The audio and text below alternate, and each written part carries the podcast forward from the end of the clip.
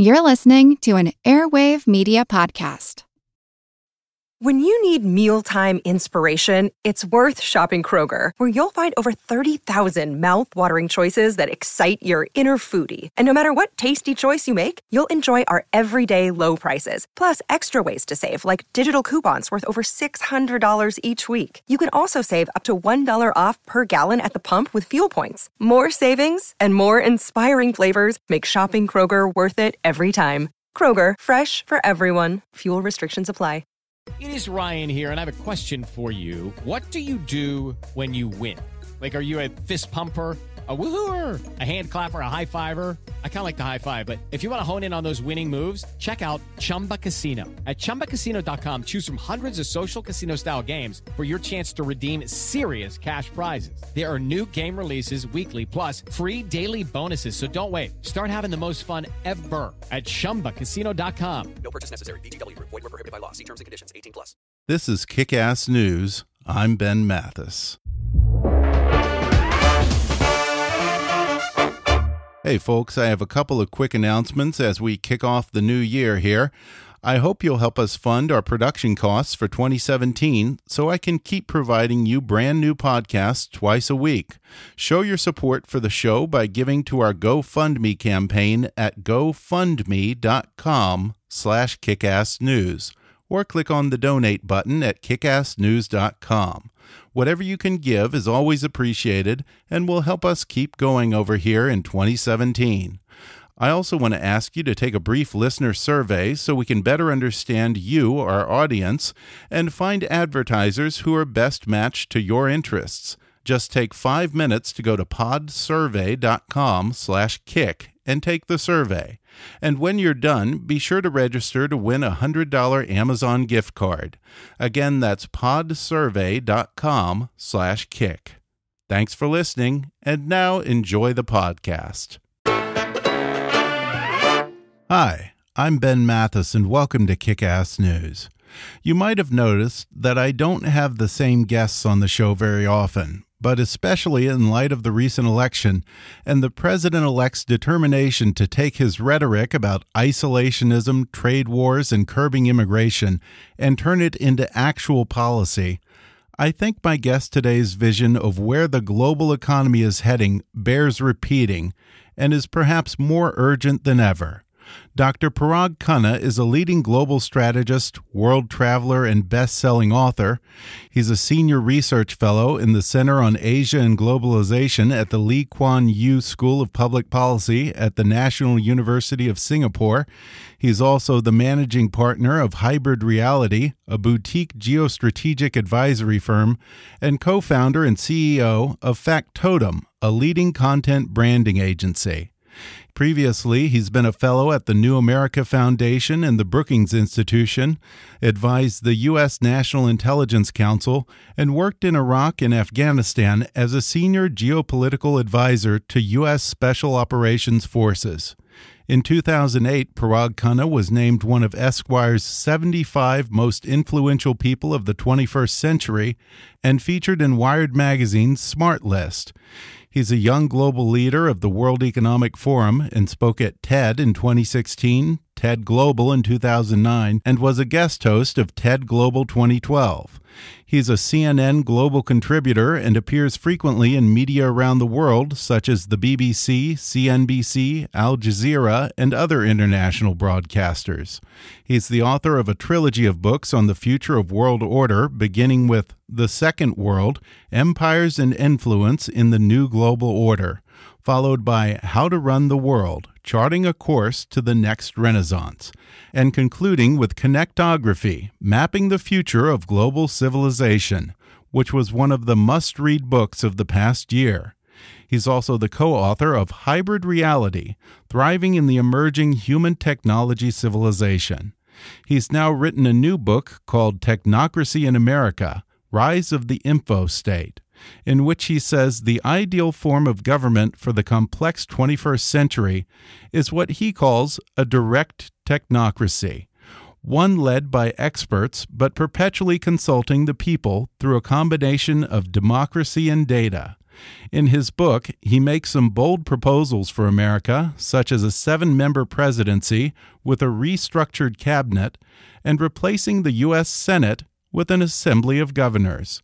These may seem like radical ideas, but Parag Khanna says these are exactly the systems of government that are working brilliantly for the world's most successful societies. He'll reveal what else countries like Singapore and Switzerland are getting right. He'll discuss what a technocrat is, why it shouldn't be a dirty word here in the U.S., and whether any of Donald Trump's cabinet nominees might make effective technocrats themselves. He'll talk about the things the U.S. federal government can learn from our mayors and cities. He'll discuss which cabinet agencies he would eliminate or combine, and why he says if you want to make America great again, build a road. Coming up with Dr. Parag Khanna in just a moment.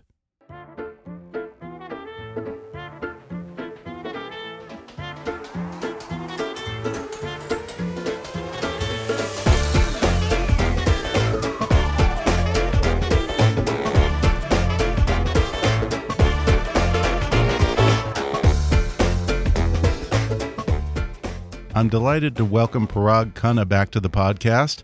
He has a new book called Technocracy in America The Rise of the Info State. Parag, thanks for joining me all the way from Singapore. Yep, great to be back with you. Unlike your last book, Connectography, which I highly recommend to everyone, you self published this one. It's a paperback, and I'll not to be a nitpicker, I even noticed a few typos, all of which gives the impression that you are rushing to get this out to people, almost perhaps in the vein of a, an old style political pamphlet. Why the urgency? Well, I think the urgency speaks for itself in light of the, uh, you know, the surprise Trump election. But ironically, this book uh, was written at the same time as connectography because this was part of connectography. Connectography was all about a more complex and connected world, and um, the final section of it was meant to be about how do you govern in that complexity? You know, how do you make sense of the world? What kind of government is the best suited for the 21st century? However, as you know, uh, connectography is a very is a very long book, and so we had to cut out this whole thing. And it was a fully formed, self-contained argument about how to fix the American government. But of course, when Trump was elected, we said, "Oh my God, we should really speed up this next book and get it out there." And obviously, a traditional publisher can't do that. So we work with Amazon and uh, you'll be pleased to know we ironed out all of the, the typos and fixed everything. okay. In fact, we it was produced, just a couple. Uh, we produced some some lovely infographics as well to really uh, drive home the point about how you would structure this government. And obviously, uh, we'll talk about all those arguments that I make. But um, you know, it was yeah, in the sense. I mean, obviously, it's a short book by my standards. It's only hundred some pages. Um, but you know, to really, really drive the point home, this is not about Trump versus Hillary.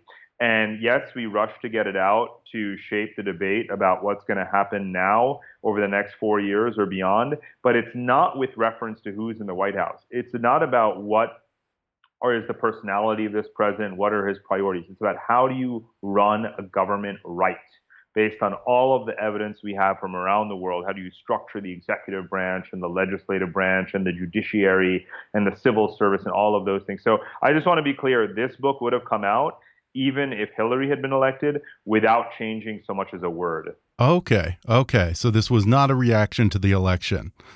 Nope. Okay. Rushing it was all about timing. Okay. Because I, I remember when uh, during our last interview, whenever that was in April or May, we yep. talked about the fact that connectography was advocating for just about everything that Donald Trump opposes and you assured me, you said, don't worry about it. There's not going to be a Trump presidency. Not that you were alone in that. I know I wasn't your only guest to, to have no. tried to tell you that. That's true. You know, I'll tell you, I thought the last book was pretty bold, but this new book, you know, you prescribed some pretty radical overhauls to the U.S. government talking about replacing the Senate with the National Governors Association, creating part time legislature, replacing the presidency with a team of presidents, even the Wikipediaization of the Constitution. I assume that you're prepared for the inevitable backlash when folks here say, you know, who is this guy from Singapore trying to tell us how to rewrite our constitution? Are you well, ready? I'm actually I'm actually from Chappaqua, New York, where Oh, Hillary are you? Clinton has made her home. Okay. Uh, Uh, okay, this guy clear- in Singapore then. Yeah but uh but you know i mean i do i do live out here but that's the virtue of the book. By the way i'm pleased to say that uh, i don't know what backlash is coming but the initial response has been overwhelmingly positive. The washington post just ran a profile of me in a long interview. The blurbs and reviews from kirkus and other places they're all on amazon now are overwhelmingly positive. positive. And again I didn't write this with Trump in mind, but because Trump got elected, the response is so positive because people are saying, oh my God, we've become such an irrational society and a broken government. Look at what happened. And so people are willing to contemplate some of the radical solutions that I have in this book. But let me emphasize that they only sound radical to you if you don't, if you've never been outside the United States because I am an expat who is a scholar, Right. I'm, a, I'm an academic, I travel the world, I've lived in many countries. I study very, very rigorously and carefully how other countries structure their governments to get things done, to be democratically legitimate, but to be effective and to deliver services and freedoms to their populations.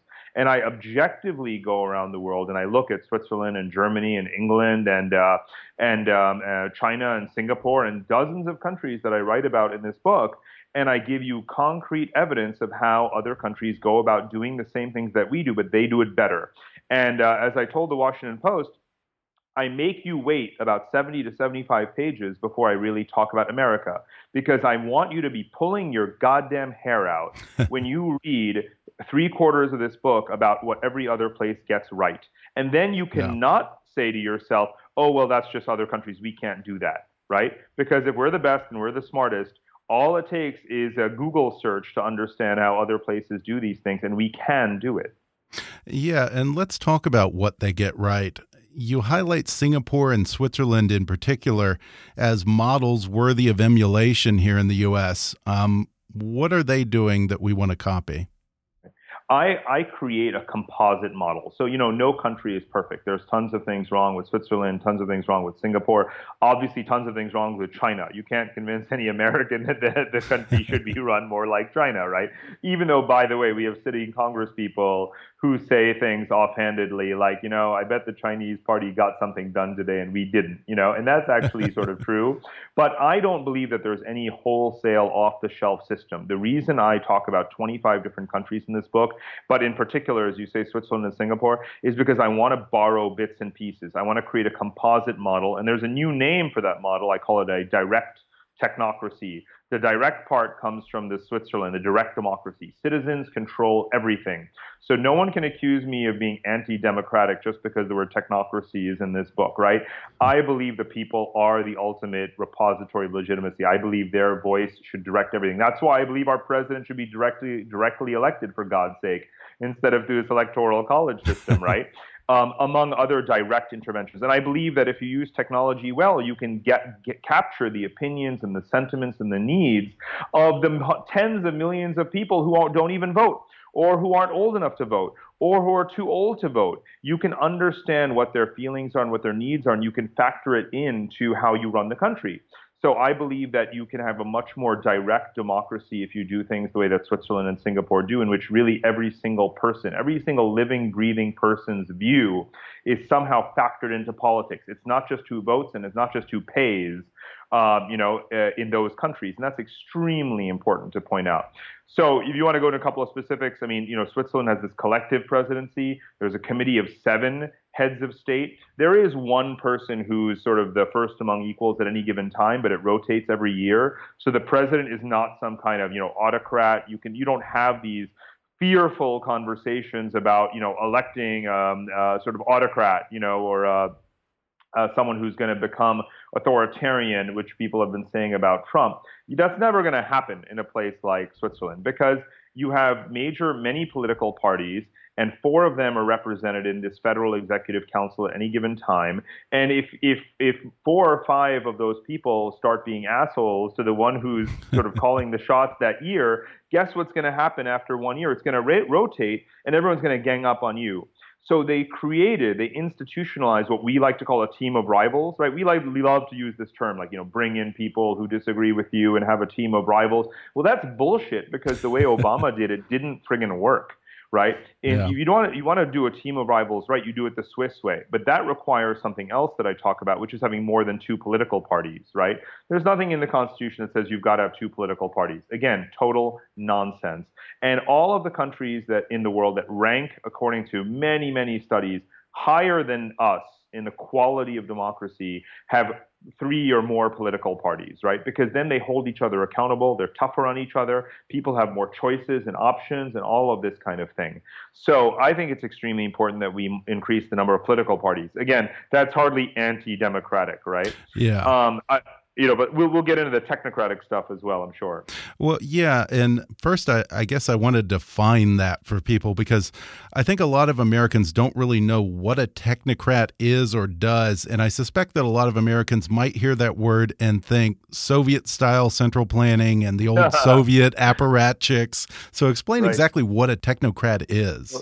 You're a well-educated man, so indeed that is definitely one of the connotations of the term technocrat is sort of Soviet apparatchiks and so forth. But actually, the term goes back to 18th century France, and it's basically about uh, a professional civil service, right? Having a pedigreed group of professionals who know how to run a state bureaucracy. And that's not alien to the United States. You know, for the first half of the 20th century, America had the world's leading federal bureaucratic system. We pulled the United States out of the Depression. We marshaled our resources to intervene in, in World War One and World War Two, um, and, uh, and and and we built, uh, you know, under in the Roosevelt uh, government, the Social Security Administration, the Tennessee Valley Authority, and then came under Truman the Interstate Highway System. We built a continental scale empire by having a really good bureaucracy of professionals running it. Everything from the Postal Service to the National Park System was run by professionals. And then that began to get sort of gutted, you know, before and, and certainly during Reagan. And then Newt Gingrich's reign in Congress in the 1990s also really weakened the professional staff of the government, the Congressional Research Service, the Congressional Budget Office, the, the, the number of uh, the, the sort of quality of manpower um, in all of our federal agencies was substantially weakened financially, right, fiscally, uh, by Congress, and that has that has led to damage that's nearly irreparable. Now, in a technocracy, you don't do that. In a technocracy, you take highly skilled, qualified, educated people and you recruit them into government, not just for one or two years, like the elites, uh, you know, who circulate in and out from Wall Street or academia into um, into Washington these days, right? People who devote their careers and believe that there's upward mobility and they actually get paid decently, right? They believe it's a noble profession to be in government and they don't get blocked from rising to the top levels by Wall Street bankers and friends of the president. They can actually rise to the top. And so here I am sitting in a country, uh, Singapore, that's run by such professional, meritocratically selected, highly qualified, competent technocrats. And here's the other thing let's not confuse them with elites, right? Just because you went to an Ivy League school and are friends with Barack Obama, it doesn't make you a technocrat. You need to know how to run a bureaucracy. You need to know how to administer things. We put people in high positions of authority who have never even run an academic department. And so for two, after two years, they can barely find the bathroom. So being smart is not good enough. Being an elite doesn't make you a technocrat. You need to know how to run something, and not just something, a huge budget, billions of dollars, managing thousands of people, and actually translate your brilliant ideas into reality on the ground. And let me just say the final thing, because this is extremely important. You know, we are a very unequal country, and as is every other country in the world uh, at this point, uh, this stage in history. Uh, a, a technocrat is always thinking in a utilitarian way, which means they're thinking about how do you maximize the welfare for the majority of the population, right? You don't just think about how do you engineer a bailout for banks. You think about what's important for Main Street. And technocrats are very apolitical. They serve across administrations. They see people from the left and the right come and go. But they believe in what's in the best interest of the people, and that's their only job. Um, it's not to set themselves up for the board positions they're going to get when they leave office, right? And so we are really, really not a technocracy. We're not even close. But I've seen a lot of them. I see them in Europe. I see them in Asia. You've got to invest in it. And we still have the smartest people in the world, but we don't attract them into these long term technocratic careers in government. And I wish we would. Yeah, and it does seem like it's hard to attract a better class of civil servants when we so often put them down and we put down career bureaucrats and government service. Yeah, and it's a real pity because they don't deserve that. I mean, we use the term dead wood to describe them, and I, I, use the term in quotes in the book. Of course, they're described as dead wood because you've never given them a chance to learn anything, to upskill. In other governments, you know, they pay for those people to go get master's degrees in statistics and, and in economics and in public administration, and then come back and do their job even better. And again, they let them occupy the top job and they pay them well. If you know you're never going to rise above middle management, um, you know, never make a good salary, how much incentive do you have to really, you know, become a real doer? So, you know, we, we deride these people who are the backbone of our society. We do the same thing to teachers. We don't pay teachers. In every country in the world where, um, you know, educational achievement and scores, test scores, you've heard of the PISA exams, the PISA, mm-hmm the international benchmarking test for kids for reading and math and comprehension. There's like 25 countries doing better than the US. In almost all those countries, they actually pay teachers well. It's a technocratic realization to say, hey, wait a minute, we've just got to pay teachers well, for God's sake. We don't leave this up to every little district to figure out. You've got to pay teachers well. We know from hundreds of years of history that if you pay teachers well, you're going to have a better society down the road. In your previous book, you talked a lot about the influence of connected megacities. And in this one, what you describe sounds less like what we see at the federal and state level and more the kind of governance and innovation, attention to infrastructure, services, outcomes that we see in a well run city like, say, Seattle or Denver, Austin. Are there things to be learned from cities and maybe even something to be said for giving mayors more of a voice at the federal level in America? Absolutely. So, you know, I do start, I do, I talk equal parts in this book about cities and states, you know, because I believe that states famously uh, are the quote unquote laboratories of democracy. So are cities. So the point is that sub state, that provincial level, that urban level is where you can most effectively uh, can canvas the views of your public, where you can really have direct democracy, mm-hmm. if you will, and where you can see the results of your actions and tweak things quickly if they're not going right. And that's why mayors are the most popular political figures in the country, and governors are not far behind. They're way ahead, obviously, of the White House and Congress for good reason, because they, they get the trash collected, right? They get things right. done. So I do believe in giving way more authority, and that brings us to this uh, one of the controversial propositions, which is um, replacing the Senate with the um, Assembly of Governors. Yeah. Look, I'll be honest with you. You know, my background is geopolitics. It's not technically American political science, and that's right. why I can bring a fresh perspective to things. But once you come out and say something like this, you realize how many people think it's actually a really good idea, and then you realize how illegitimate the present system is. Right. So, in the course of my research, I found out that most senators used to be governors. So these people who I'm praising because they used to really run an entire state and then they move to Washington to the Senate, where they can really guide national policy. Mm-hmm. So the Senate used to be useful because it was full of people who used to run things, governors. Today, it turns out most senators are former members of Congress, former representatives. So now the Senate is just a smaller version of the House. It's a totally redundant body and equally inept and corrupt. And so it becomes pointless. And therefore, why not? If governors are the reason that the Senate used to be useful, why not have governors yeah. continue to make national policy? So that's why I came up with this idea. I joke about it, but it does make total sense that we would be better served by some kind of a body of administrators, people who have some kind of executive experience, than just uh, another body of legislators. God forbid, right?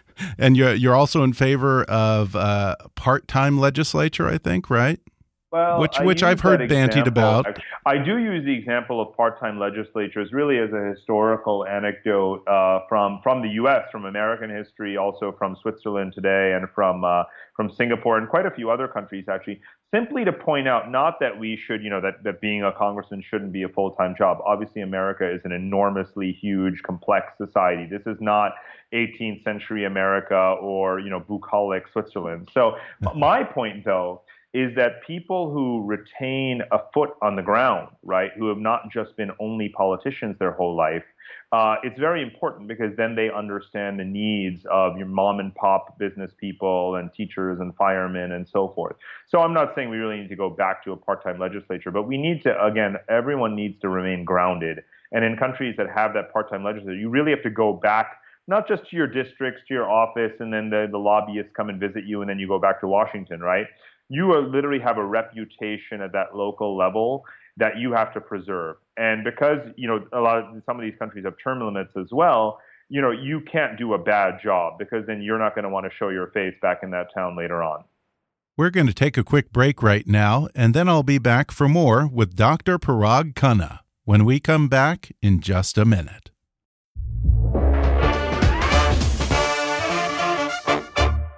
The 2016 election is now in the history books, but I know there are a lot of folks out there who are still feeling the burn. Well, guess what? Bernie Sanders has a new book that's now seven weeks on the New York Times bestseller list called Our Revolution A Future to Believe in. You might remember when Bernie Sanders began his race for the presidency, it was considered by the political establishment and the media to be a fringe campaign, something not to be taken seriously. But by the time Sanders' campaign came to a close, whether you were on the right or left, you could not deny that Bernie had run one of the most consequential campaigns in modern history. And though the campaign is over, Bernie isn't going anywhere. Because for Bernie Sanders, the political revolution has just begun. You can follow along as Bernie Sanders seeks to keep the new administration in check and lays out his vision of a progressive future in his new multi month New York Times bestseller, our Revolution A Future to Believe in. Referring to his book, The Washington Post says that Sanders is spinning lessons about what really matters in life. Go behind the scenes to learn the details of Sanders' historic primary fight and the people who made it possible in Our Revolution. Available in hardcover, ebook, and wherever books are sold, with an audiobook read by Bernie Sanders himself and Mark Ruffalo. For more information, visit ourrevolutionbook.com and hashtag read the burn. Again, that's ourrevolutionbook.com. So it's a new year now, and there's no better time to launch an online business or expand your online presence for your existing business, and GoDaddy.com wants to help. GoDaddy's mission is to radically shift the global economy toward life fulfilling independent ventures, helping their customers kick ass by giving them the tools, insights, and the people to transform their ideas and personal initiatives into success. GoDaddy is the world's largest technology provider dedicated to small business and the largest domain registrar with over 62 million domain names under management and big savings over other registrars. Their award winning 24 7 support will help build your online business and give you everything you need to get up and running. Whether you have a new idea or an established business, the key to success online starts with a great domain name, and GoDaddy is trusted by 13 million customers. That's more than any other registrar. And right now, my listeners can get a special discount on a GoDaddy domain if you just use my offer code KICK30 at checkout to get 30% off new purchases.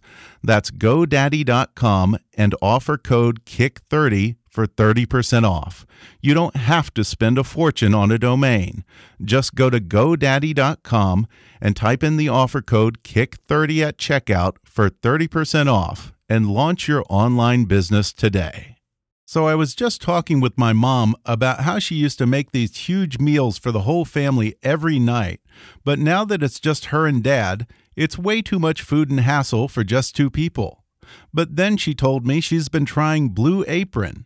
They send complete, easy to prepare meals with fresh ingredients perfectly proportioned out for the recipe and the number of people, so there's no waste.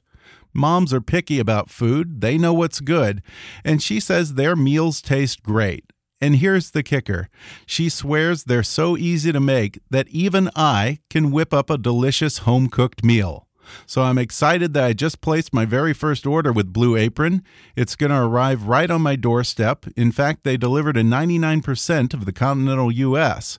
And let me tell you some of the meals that I ordered for January, and I can't wait to cook these seared pork chops with farro and cranberry chutney spaghetti squash and marinara with mushroom and garlic knots, spicy shrimp and Korean rice cakes with cabbage and furikake. I don't know what furikake is, but if it's from Blue Apron, I'm pretty sure it's going to be great. Their meals are fresh, delicious, and socially responsible. Their seafood is sustainably sourced. They use free range chickens and natural pork and regenerative farming practices for their produce, which makes you feel even better about using Blue Apron. So check out this week's menu and get your first three meals free with free shipping by going to blueapron.com slash kick. You'll love how good it feels and tastes to create incredible home cooked meals with Blue Apron. So don't wait.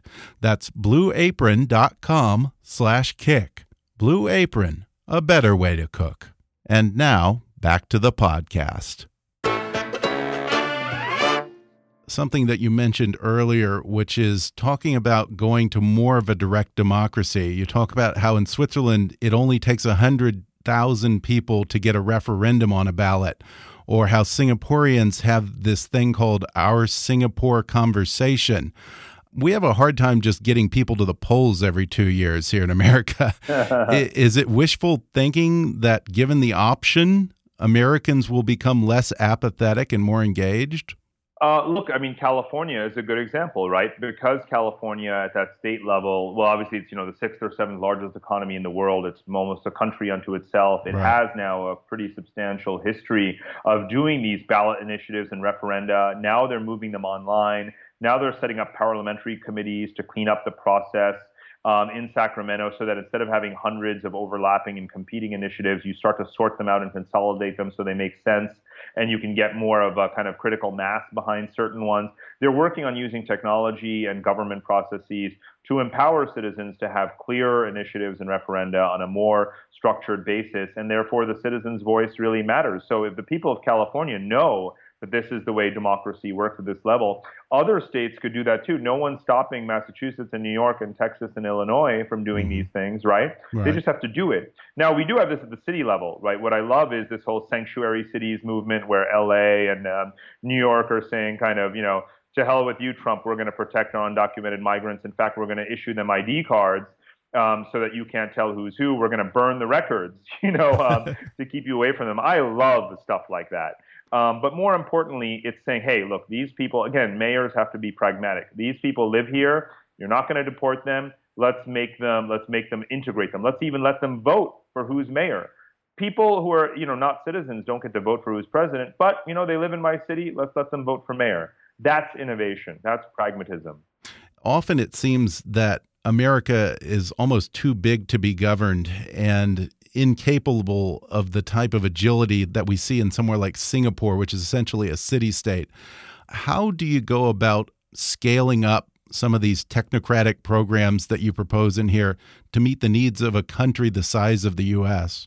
It's top down and bottom up. You know, let's start with the bottom up because we've been talking about cities. I say we need to become a united city states of America. We have a lot of research that shows how people transact with each other around these urban clusters. America has, you know, 50, you know, sort of nominal states whose geography is kind of irrelevant or the borders between them are utterly irrelevant. They date back to Thomas Jefferson. But in the real world of the 21st century, we've got these 40 cities that are really the centers of action. So these 40 cities could all be much more, they could be much smarter. They could be more data driven. They could have more local um, kind of, you know, uh, democratic empowerment. They could have a lot more connectivity and better infrastructure out into the suburban and exurban and rural areas. So that's one step then you could have the voice of each of those 40 in Washington be a lot stronger. And Washington, and for its part, could do a much better job of supporting those 40 cities, right? Where's our kind of, you know, national scale infrastructure? Where are those high speed rail projects? Where are the better airports, the better highways? We've got none of it. Obama came in saying he was going to do eight high speed rail projects. We have zero kilometers of high speed rail. Guess what? China, in the same amount of time, built like you know 20,000 kilometers of high-speed rail. so Washington could start by supporting cities being better at what they're doing. So yes, we are a big, powerful empire, the biggest and most powerful in history, really. But we have all the money, all the brains, all of the actual political coherence, right? I mean, we're not like countries where there's a civil war going on. We really could very easily get to this uh, end state. And that's why I've created those maps in connectography that really show you how to reorganize the country physically, and why I argue for these democratic and data driven approaches in this book in technocracy. Because the roadmap is actually like blindingly obvious. I mean, this is not politics is not rocket science. And going back to the executive branch, you call for what you called a collective presidency that might better resemble a corporate board rather than a single executive. Um, you said that this wasn't about Donald Trump. So you're saying that you would still be pushing for this collective presidency if we hadn't elected Donald Trump? Oh, absolutely. Look, my argument, again, is not based on who's in the White House. My argument, actually, very clearly, is that the world has become so complex that how can one man sitting behind an, an oak or whatever wood it derives from desk in the White House juggle all the balls in the air of what's happening domestically, internationally at the same time? That's what makes no sense now that you do have Trump, it wouldn't make sense for Hillary either. She doesn't know enough about everything, right? right? So in smart countries like Switzerland, and you've got this with the Central Standing Committee of the Communist Party in China, you've got seven individuals who have, you know, decades of experience in governing uh, entire provinces that are bigger than America, um, and then they sit together and they make decisions. The American cabinet is very different because you're a friend of the president. You come in, you're responsible for one thing intelligence or health and human services right. or whatever, you don't have a dog in the fight in the collective outcome, right? Someone else in education could screw up. There's no backlash against you if you're if you had uh, you know the Defense Department. That's not the way these collective presidencies work. Everyone's got a stake in the system. They got skin in the game. So you've got to have these seven people. In the case of Trump, you've got to have six people surrounding him who keep him from being the madman or the mad dog or whatever. Six people who are by definition smarter than him, right? Who know a lot more how to run things. And that way they balance him out. If he has to every day meet with six other people who know a lot more how to do things than he does and know a lot more history and politics and governance and finance than him, then you're not going to have this like you know crazy Twitter storm, you know, like right in terms of dictating policy. You're gonna, and by the way, so I have this org chart in the book, right, that spells out what this looks like and what are the six or seven most important positions that should be sitting with him every day in that Oval Office. I say that the Oval Office should become, um, or that it should become uh, instead of just one desk, it should become a round table, right? you know, seven or eight people, and identify exactly what those positions are that are the most important. And they should be sitting together and making these decisions collectively. And that's going to tame the temptations and tendencies and inadequacies and weaknesses of whoever is in whoever the, the sort of first among equals is, whoever the president is. So we should have that system no matter what. I think Trump might even go for this because he likes to say that he's a big picture guy and he doesn't want to get the presidential daily briefing. He wants to delegate a lot of the duties to Mike Pence. So yeah, you never know. There you go. Yeah, it might work out. Um, you also suggest combining several of the cabinet level departments to make them more efficient and better in sync. What departments do you think would be ripe for consolidation? Right. So, you know, I, th- those are all in the org chart, but basically it's combining the Department of Commerce and the Department of Labor uh, into one because, again, business and skills go together, right? It's like duh, mm-hmm. you know. And then uh, you can even have them connected to the Department of Education. Again, other countries do this. Then the Department of uh, Transportation. I talk about creating a Department of Infrastructure that combines transportation as well as the EPA, which of course Trump wants to abolish, because you've got to take into account the natural landscape, right, our heritage, our geography, and then think about how the transportation sort of overlays with that. I talk about consolidating, uh, you know, sort of in, in, the intelligence field, we've got way too many agencies. Um, I talk about sort of, you know, national security and defense and so on and so on and so on um, into a you know cabinet that rather than having you know whatever 20 25 is more like 16 17 and again you know when i started researching this i was like hey i've got a bright idea let's combine the department of education and the department of labor and then of course i google, google it and I see that none other than the Congressional Research Service advocated this in the 1990s. Did it get done? Of course not. So some of my, you know, radical ideas aren't so radical. Our own government experts have recommended these things, but we've let them gather dust rather than do them. Yeah, and labor and education in particular makes sense. Yeah, again, like total no-brainer. In the smart technocracies, what happens is that you get the universities and the academic institutions, you get the main companies and the government together and they say, what are the big economic opportunities? What are the skills that our people need to have? uh, in order to cope with things like job losses due to automation and robotics and outsourcing to China and Mexico. Guess what? You remember this guy, John Edwards? He ran for president in 2004, right? 12 Yeah. years ago. He was right about one thing. He said we need like this federal worker retraining program to upskill workers because these jobs are disappearing. Well, 12 years later, because we didn't do that, you get Trump, Yeah. right? Now, we're now this is again, it's not. Um, you don't need a crystal ball. We knew this was happening like 15 years ago. 15 years ago, we knew that jobs were being lost. We did nothing about it. I can name you a dozen countries a lot smarter than us who actually got their shit together and said, we've got to train our workers. We've got to move them up the value chain. Let's get the universities, get the companies to invest, right? And let's get our workers to do more uh, high value added things. We didn't do that. We were dumb. Washington failed. This is not China's fault. It's not Mexico's fault. It's not the robots' fault. It's our fault. Yeah. Yeah. It seems like politicians always talk about retraining and then it never gets done.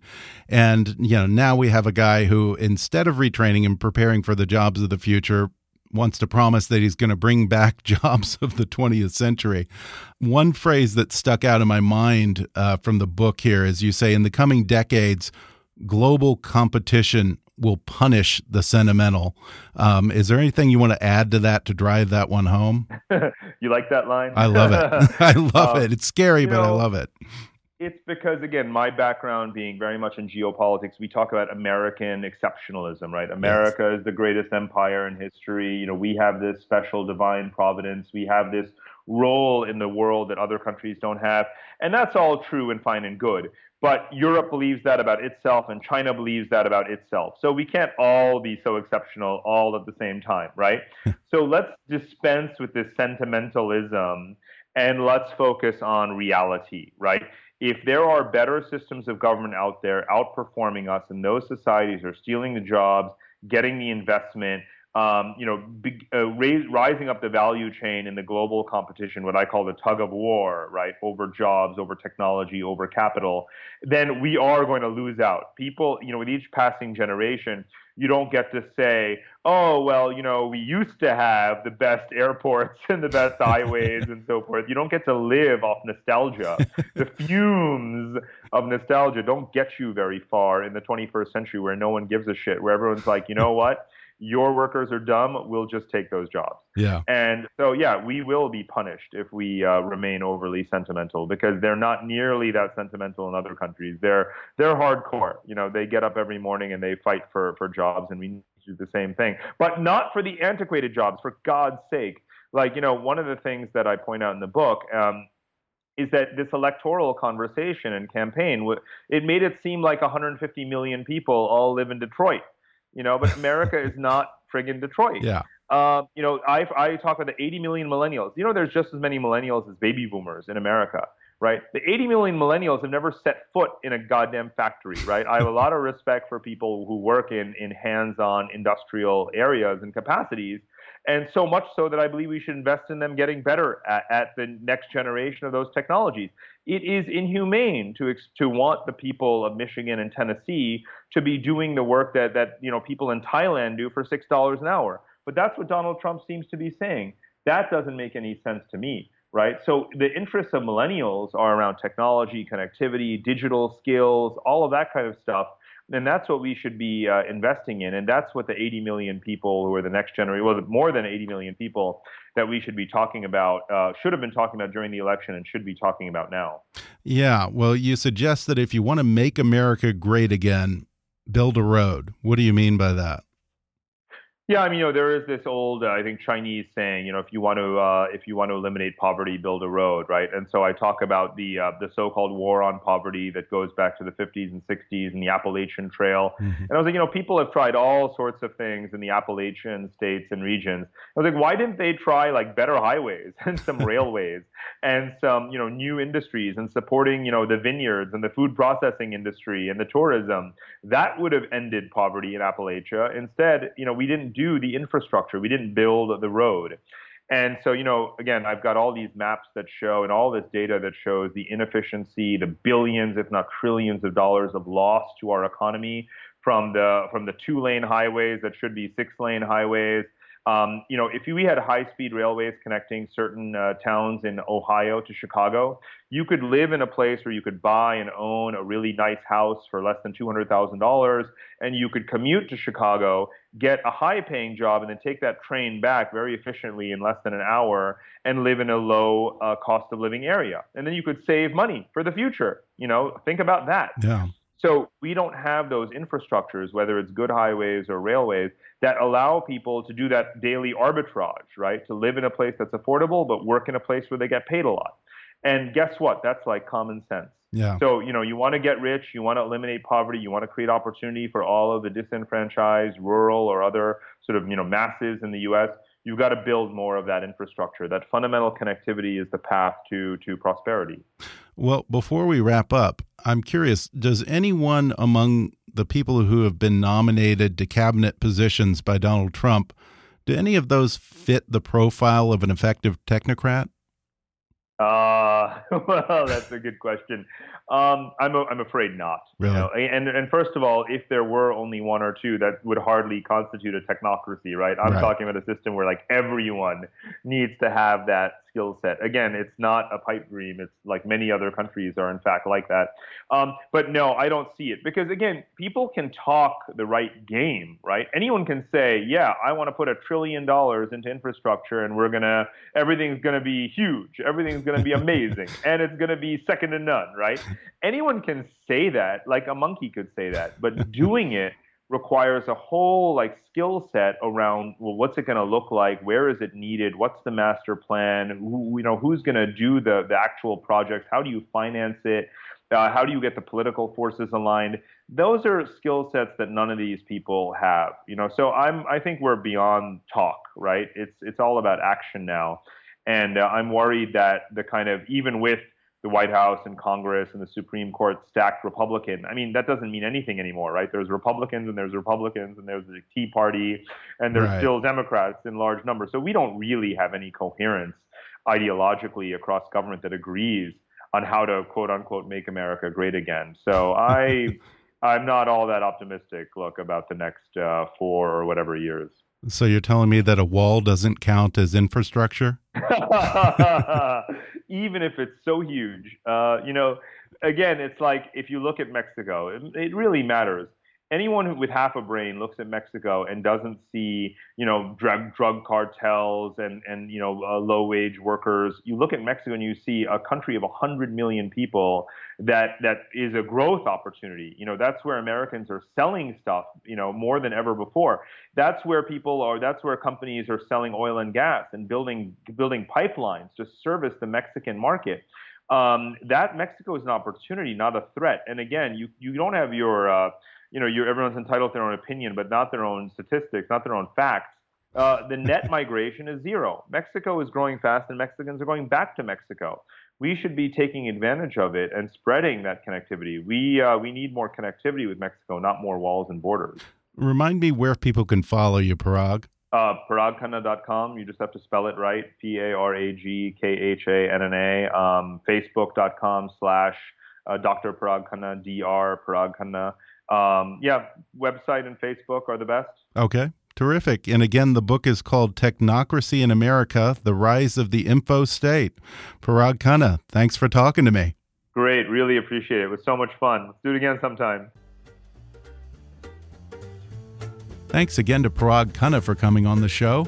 And if you enjoyed today's episode, I'd encourage you to order his new book, Technocracy in America The Rise of the Info State, on Amazon. You can keep up with Parag Khanna at paragkhanna.com. That's spelled P A R A G K H A N N A. And follow him on Facebook at facebook.com slash Dr. Parag Khanna or on Twitter at, at Parag Khanna.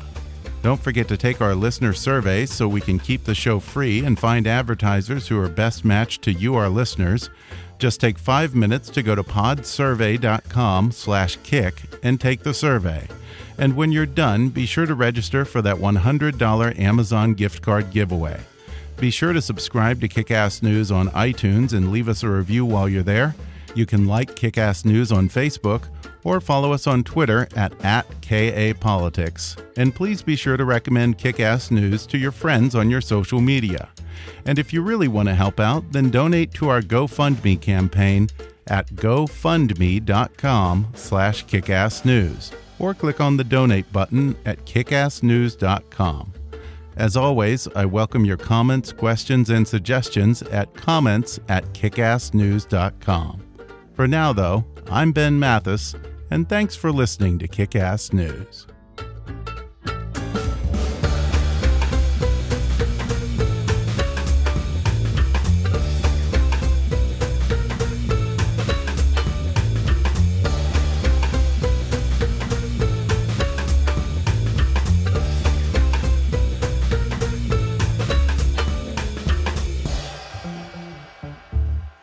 Kick Ass News is a trademark of Mathis Entertainment, Inc.